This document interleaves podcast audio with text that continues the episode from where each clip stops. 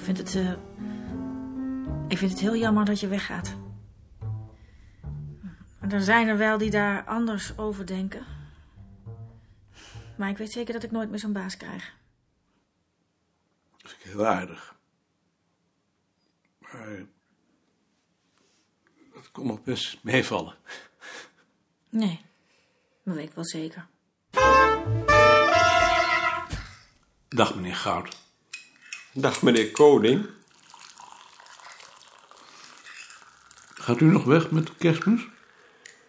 Ja. Ik ga naar mijn zuster. Heeft hij een kerstboom? Die heeft geen kerstboom. Wij hebben ook geen kerstboom. Oh nee.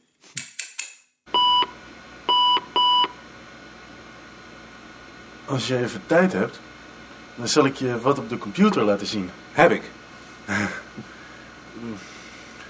Noem eens iets waarover je wat wil weten.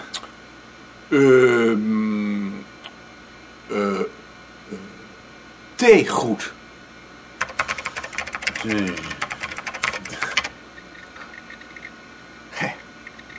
Thee, theegoed, theeservies, theepot, theekopjes. Met de jaartal, codenummer en de aantallen. Hm, mooi. En als je wil, kan je ook nog de percentages uitrekenen. Kijk, tussen 86 en 96 bijvoorbeeld, zijn er twee boedelbeschrijvingen met theegoed. En dat is 15 procent.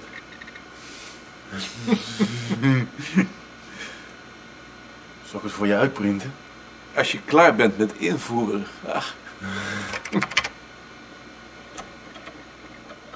Dag Tjitske. Dag Maarten. Ehm, Gert, Ja. lees dit eens. De vertaling van een Frans boek over de dood zullen uitgeven. Wij vragen u om Nederlandse illustratiemateriaal.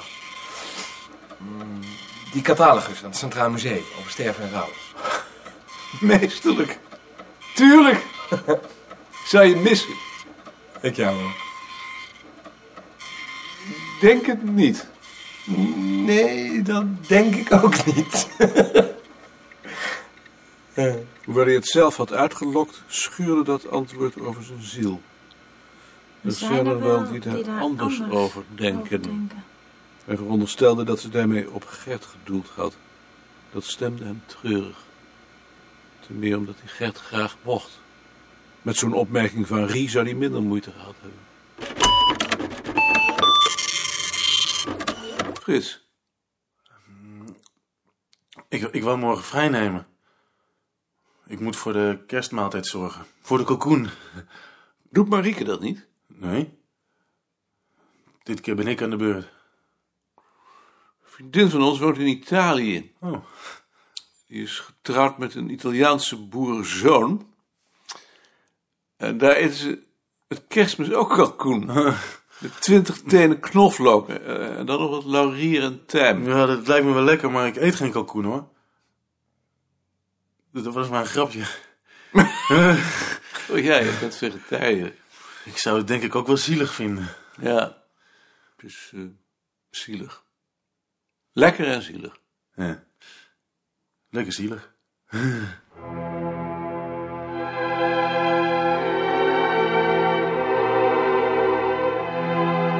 Kerstmiddag. Het regende, met soms wat dikke vlokken ertussen, en het werd vroeg donker. Hij zat aan zijn bureau en maakte van een oud sigarenblikje een lampenkapje dat hij vervolgens aanbracht boven de theetafel. Daarna repareerde hij het dopje van zijn vulpen, dat was ingescheurd. Hij zaagde van een oude dop een reepje af, schoof dat over de scheur en zette het vast met een ijzeren ringetje om te voorkomen dat hij de dop te ver doorschroefde. Zulke werkjes gaven hem een geluksgevoel en na afloop een grote voldoening. De zekerheid dat hij niet voor niets had geleefd.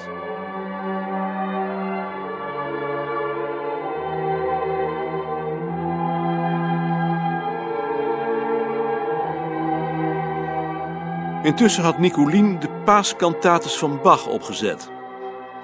Ze vond dat ze veel te veel kantates hadden en überhaupt te veel platen. Ze hield niet van kiezen. Ze wilde maar vier of vijf platen, of eigenlijk maar één, die ze uit haar hoofd kende en dan haar hele leven draaide.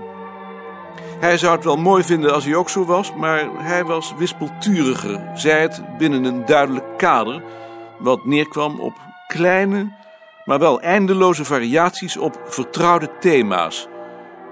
Zoals hij voor de vakantie genoeg had aan Frankrijk en meestal aan Auvergne, maar dan wel zo dat hij nooit dezelfde tocht maakte.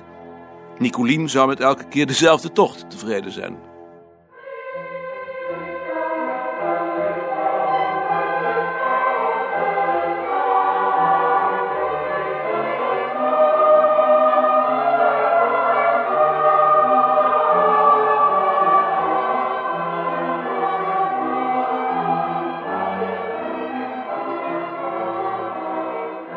Zittend op de divan, luisterend naar de muziek, dwaalden zijn gedachten weg. Hij vroeg zich af wat er vergeleken bij vroeger veranderd was. Wanneer en waarom had alles zijn glans verloren. En vervolgens kwam hij, als zo vaak, tot de slotsom dat hij in tegenstelling tot vroeger geen grein geloof meer had in de beheersbaarheid van de mens en de maakbaarheid van het leven. Wat hij vroeger, toen hij er nog wel in geloofde, trouwens ook al zei: de mens is een beest. Maar het was veel erger dan hij toen al wist. Toen zag hij nog niet hoe de hele troep door een mateloos egoïsme naar de verdommenis ging en dat dat egoïsme zo groot was dat ieder ander volstrekt onbereikbaar bleek te zijn. In plaats van veiliger voelde hij zich steeds bedreigder en wantrouwender worden. Lopend over straat zag hij zich omringd door misdadigers. En hij begreep dat dat was omdat hij ouder werd en begon te zien dat zijn tijd eindig was.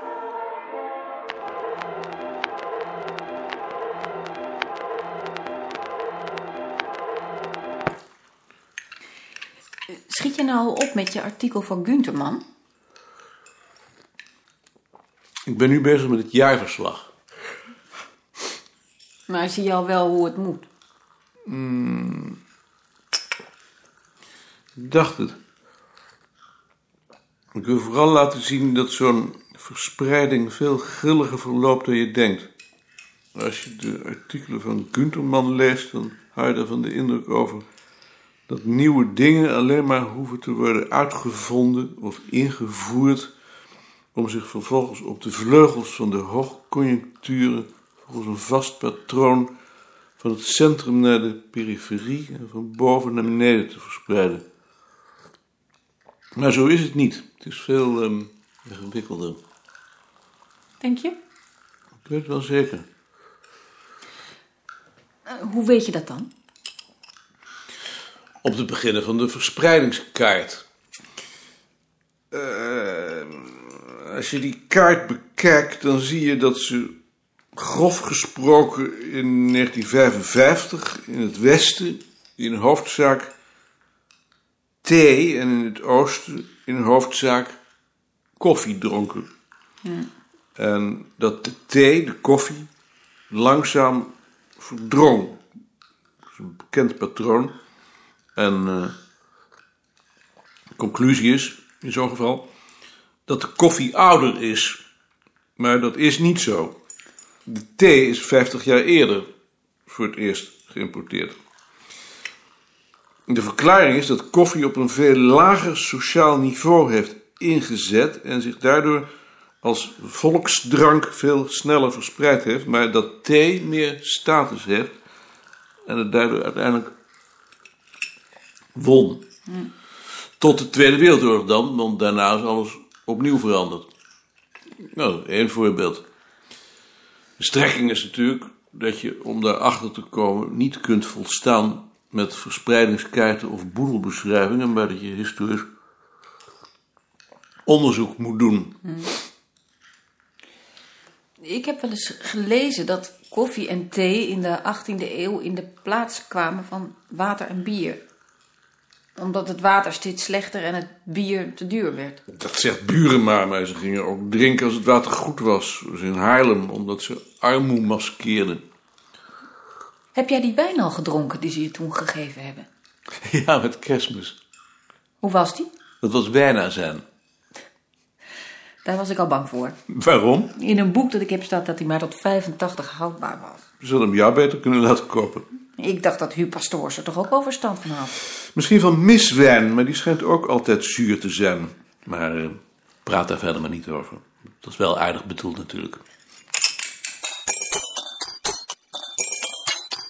Bij het aanvegen van de keukenvloer vond hij een koffiebodem.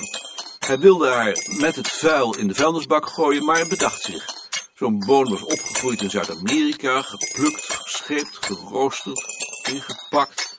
Hij vond het onzin, maar hij kon het niet over zijn hart verkrijgen om haar weg te werpen en stopte haar in de koffiemolen. Toen hij na malen wat koffie op het aanrecht morste en die wilde opvegen, aarzelde hij opnieuw. Maar nu alleen omwille van de consequentie. Want een gemalen boon zei hem niets. Zo min als een stuk vlees waarin hij geen beest meer herkende. Hoewel het de laatste dag van het jaar was, waren de meesten toch naar het bureau gekomen voor het afscheid van Jaring. De collegezaal zat stampvol. Er was koffie met taart en het bord was met kleurkrijt versierd rond een uitsparing waarin met grote letters was geschreven Vaarwel. Toen iedereen er was, kwam Jaring. Hij werd met een daverend applaus ontvangen en stelde zich bescheiden op naast het bord. Van de Marel sprak hem als eerste toe van een klein papiertje waarop hij wat losse aantekeningen had gemaakt. Omdat hij Jaring pas een half jaar kende, had hij zich moeten beperken tot de map met gegevens die hij in zijn ladekastje had aangetroffen. En aangezien het een dun mapje was, was het ook een korte toespraak. Freek, die na hem sprak, kon veel uitvoeriger zijn. Hij herinnerde zich dat Jaring hem een keer had meegenomen op veldwerk en dat hij zich verbaasd had over de zekerheid waarmee deze hem langs allerlei hem onbekende weggetjes stuurde. Ben je er wel zeker van dat dit de goede weg is? Ja hoor, kijk maar. En Jaring had uit het raampje gewezen naar een school met de Bijbel die ze juist passeerde, met op de gevel het opschrift: Ik ben de weg. De anekdote had veel succes. En ik weet nog waar dat was. Bij Loosdrecht. Ik had het zelf ook genoteerd.